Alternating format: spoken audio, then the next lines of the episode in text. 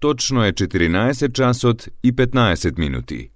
Ја следите програмата на македонски јазик на јавната медиумска установа Радио Телевизија Војводина, трета програма. Емисија Македониум.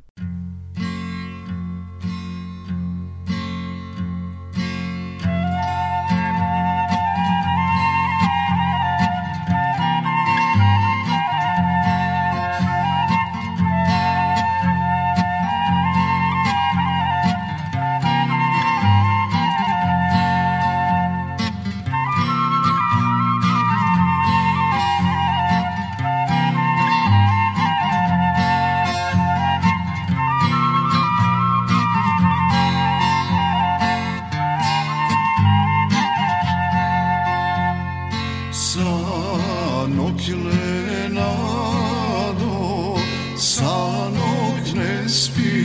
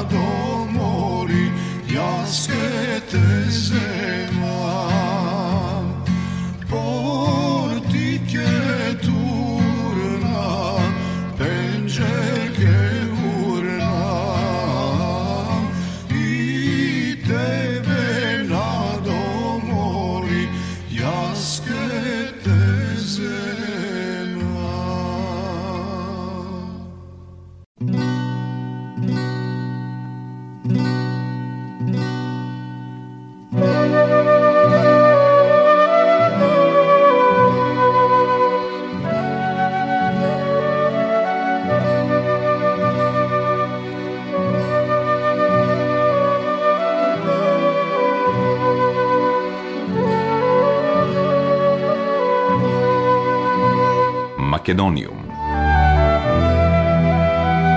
Добар ден и добре дојдовте во најновото издание на емисијата Македониум.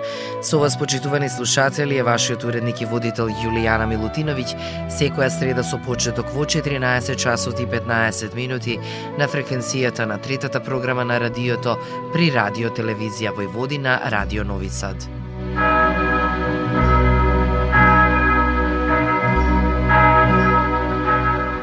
Македониум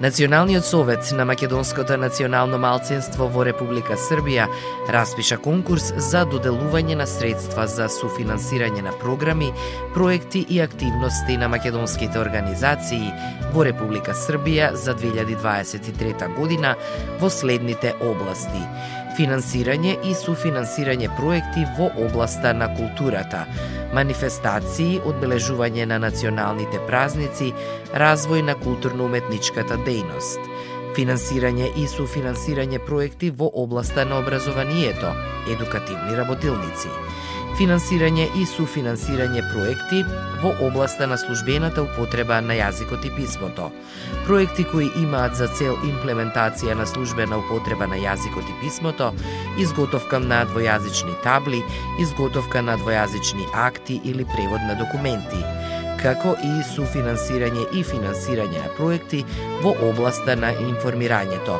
развој на информативните капацитети на македонски јазик, тоест проекти кои имаат за цел информирање на македонски јазик, мултимедијални промотивни проекти. Во буџетот на Националниот совет за 2023 година за наведените активности предвиден е 1 милион 365 илјади. Во рамките на конкурсот можат да се предвидат и редовни трошоци на Сдруженијето, закуп на канцеларија и пропратни и режиски трошоци, како што се струја, вода, грејење, интернет и друго. Пријавите на конкурсот се поднесуваат на македонски јазик со назначување за која намена се бараат средствата со износи заокружени на 1000 динари. Пријавата се поднесува исклучително на стандардните конкурсни образци кои ги обезбедува Националниот совет, а можат да се превземат и онлайн. Рок на поднесување на пријавите е 5 февруари оваа година. Секако да се напомене дека нема да се разгледуваат неблаговремено поднесените пријави, пријави кои не се подполни, неподпишани, незаверени, неподполнети рубрики и така натаму, како и пријави од организации кои не доставиле извештаи за потрошените средства во предходните години. Пријавите треба да ги задоволуваат критериумите од правилникот за критериуми за објавување и додела на средства по конкурсот на Националниот совет на Македонија македонското национално малцинство. Одобрените средства за проектите ќе се исплатуваат периодично.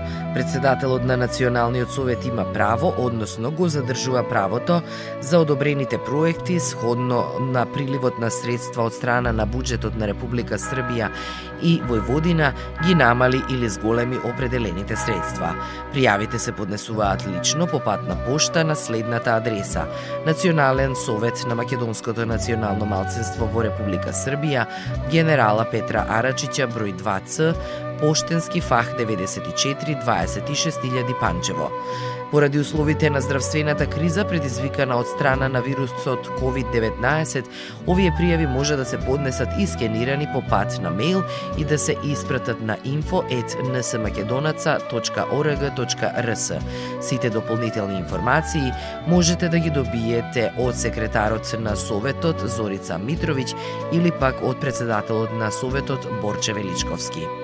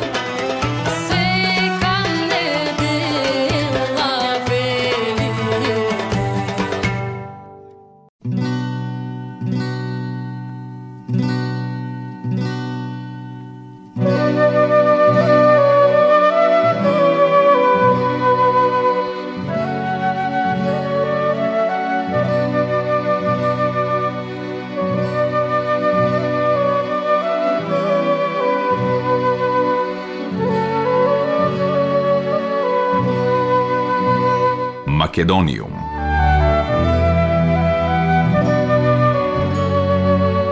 Македонија е судбина на светот, светот е судбина на Македонија.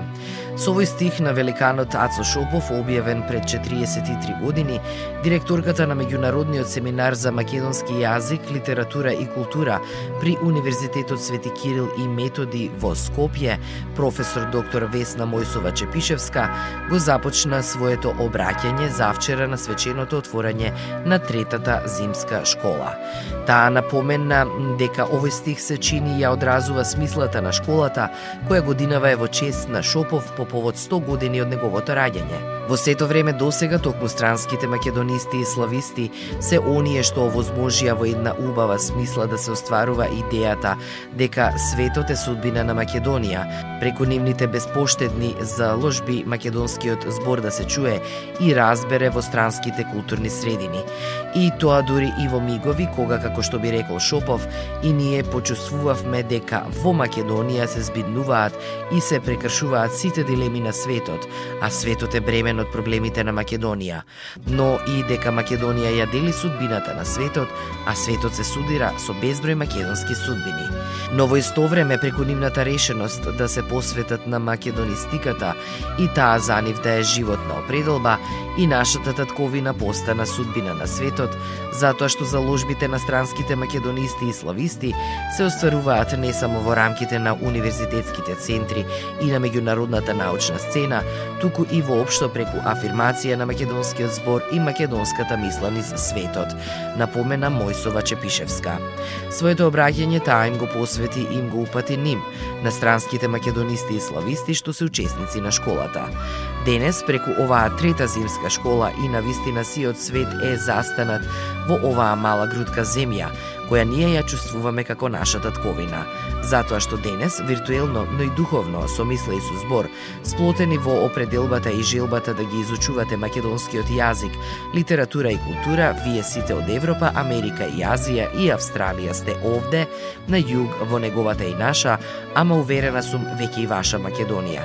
Посакувам во следните 6 дена преку наставата што ќе ви ја овозможиме, уште повеќе да ја засакате и уште подобро да ја запознаете, онака како што ја доживувате вие, со сета ваша страст за македонистиката што ја доведе во оваа школа, но и онака како што ја доживуваше Шопов, со старите паметници на културата, со сета разновидност, со сите богатства, длабочини патишта и судбини, им порача Мојсова Чепишевска на учесниците на школата. На свеченото отворање на школата се обрати и председателот на државата Стево Пендаровски, под чие покровителство се остварува националната програма 2023 година во чест на Ацо Шопов, како и ректорот на Универзитетот Свети Кирил и Методи во Скопје, професор доктор Никола Јанкуловски. Без сомнение, богатството на македонскиот јазик најубаво може да се види и преку пишаниот збор и достигнувањата на нашите литературни автори како Шопов, кој преку својот поетски израз отвора нови перспективи за препеви, кои самите по себе покрај личното познавање на јазикот на кој се напишани, се одраз на голема посветеност и креативност, Уживањето во раскошот на неговите стихови е најдобриот начин да ја почувствуваме убавината на македонскиот јазик и неговиот огромен потенцијал. Самиот факт што на зимската школа присуствуваат повеќе од 40 учесници од 17 земји од светот, сведочи за интересот за изучување на македонскиот јазик, на што треба да бидеме сите особено горди. Без дилеми, меѓу учесниците имаме нови афирматори на македонскиот јазик, на македонската литература и култура, но и пријатели на нашата земја и незините убавини. Во исто време, искажаниот интерес не подсетува и на обврската што ја имаме да го негуваме македонскиот јазик и постојано да работиме на неговото зачувување и унапредување, истакна председателот Пендаровски. Во своето обраќање пред учесниците, ректорот на Универзитетот Свети Кирил и Методи во Скопје, професор доктор Никола Јанкуловски, рече дека Шопов како една од централните личности на македонскиот 20 век ги постави темелите на мостовите меѓу македонската и поголем број странски култури. Ние како негови потомци имаме обврска тие мостови да ги одржуваме и да ги зајакнуваме, ама и да градиме нови, Во нашава современост чинам нема друг субјект што на академско ниво. Дотолку се залага и придонесува за одржување и јакнење на постојните мостови и градење нови токму преку јазикот, речта и културните вредности, колку меѓународниот семинар кој е организатор на оваа школа, што несомнено се потврдува преку резултатите од соработката и влогот со оваа школа, меѓу другото.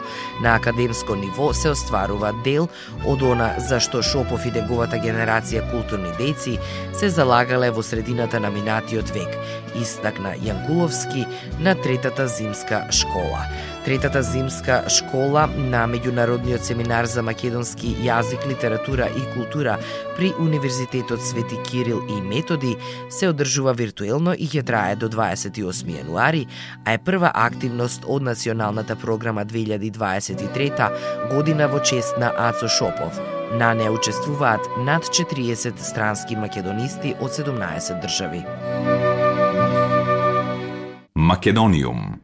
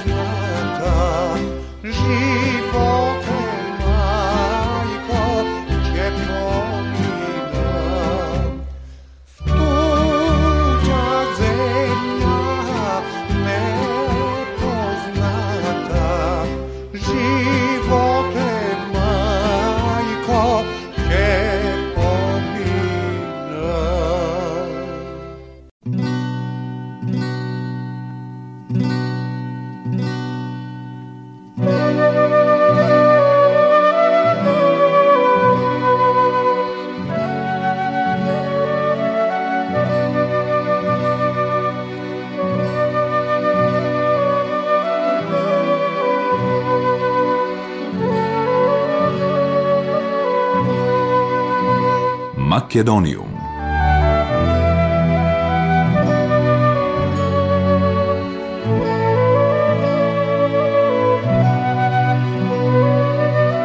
Тужбите за клевета и навреда против новинари и медиуми на англиски наречени слеп, односно стратешка тужба, против јавно учество, стануваат доста популарни и нивниот број расте во Европа и земите од регионот но за разлика од Македонија.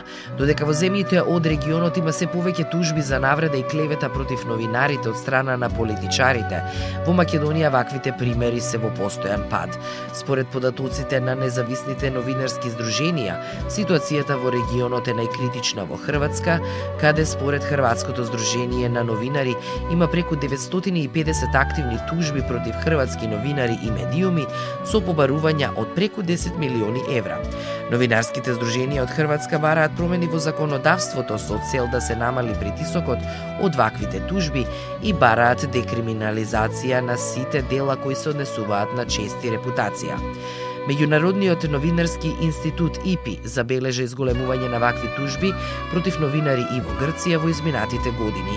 Најчесто овие тужби доаѓаат против новинари кои откриваат скандали и коруптивни сделки кај владините функционери, а се користат за да се замолчат новинарите. Ситуацијата значително се вложува и во Србија, каде според Бирн од 2010 до 2020 имало над 26 случаи на вакви тужби за замолчување новинари, но во последните две години бројот на тужби значително е пораснат. Само КРИК, Српската мрежа за известување за криминал и корупција, доби 12 тужни од владени функционери за нивните известувања за коруптивни и криминални скандали. Целта на ваквите тужби доста често не е добивањето на одштета од страна на функционерите тужители, туку замолчување на новинарите и медиумите и убивање на сториите на кои што работат. Сепак ситуацијата во Македонија за разлика од регионот се подобрува. Како што објави Цивил Медија, бројот на тужби за навреда и клевета против новинари бележи постојан пад – Во 2016-та имало 6 тужби против новинари, 4 следната година, 2 во 2018-та, 7 во 2019-та, 3 во 20-та година, 8 во 2021 и 2 во 2022 година. Во текстот се посочува дека за разлика од 2012 година, кога биле регистрирани 330 тужби, во 2016 година имало 40, во 2017 39, во 2020 33 предмети во кои странка е новинар или медиум. Во текот на изминатата 2022 година нема регистрирано завршена постапка или процес во било кој осуден некој новинар или била изречена било каква казна. Тоа покажува дека клеветата и навредата се помалку се користат како инструмент за притисок врз новинарите и медиумите, објави Цивил Медија во анализата. Во Северна Македонија, клеветата и навредата не се кривична материја, туку се уредени со Законот за граѓанска одговорност за навреда и клевета, а со последните измени се намалија и максималните казни кон новинарите и медиумите кои може да ги платат од ваквите тужби. Така казната за новинар од 2000 евра се намали за износ не поголем од 400 евра, за уредник од 10.000 на 2000 евра, додека за правно лице до сегашната казна од 15.000 евра се намали во износ не поголем од 5000 евра.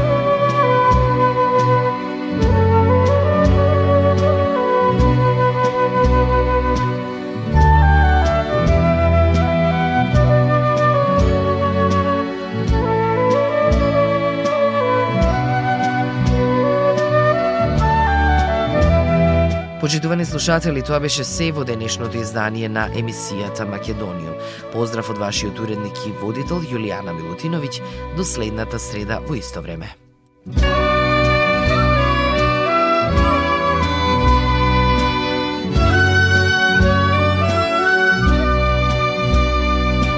Ја следевте програмата на македонски јазик, емисија Македониум. Главен и одговорен уредник Воин Поповиќ.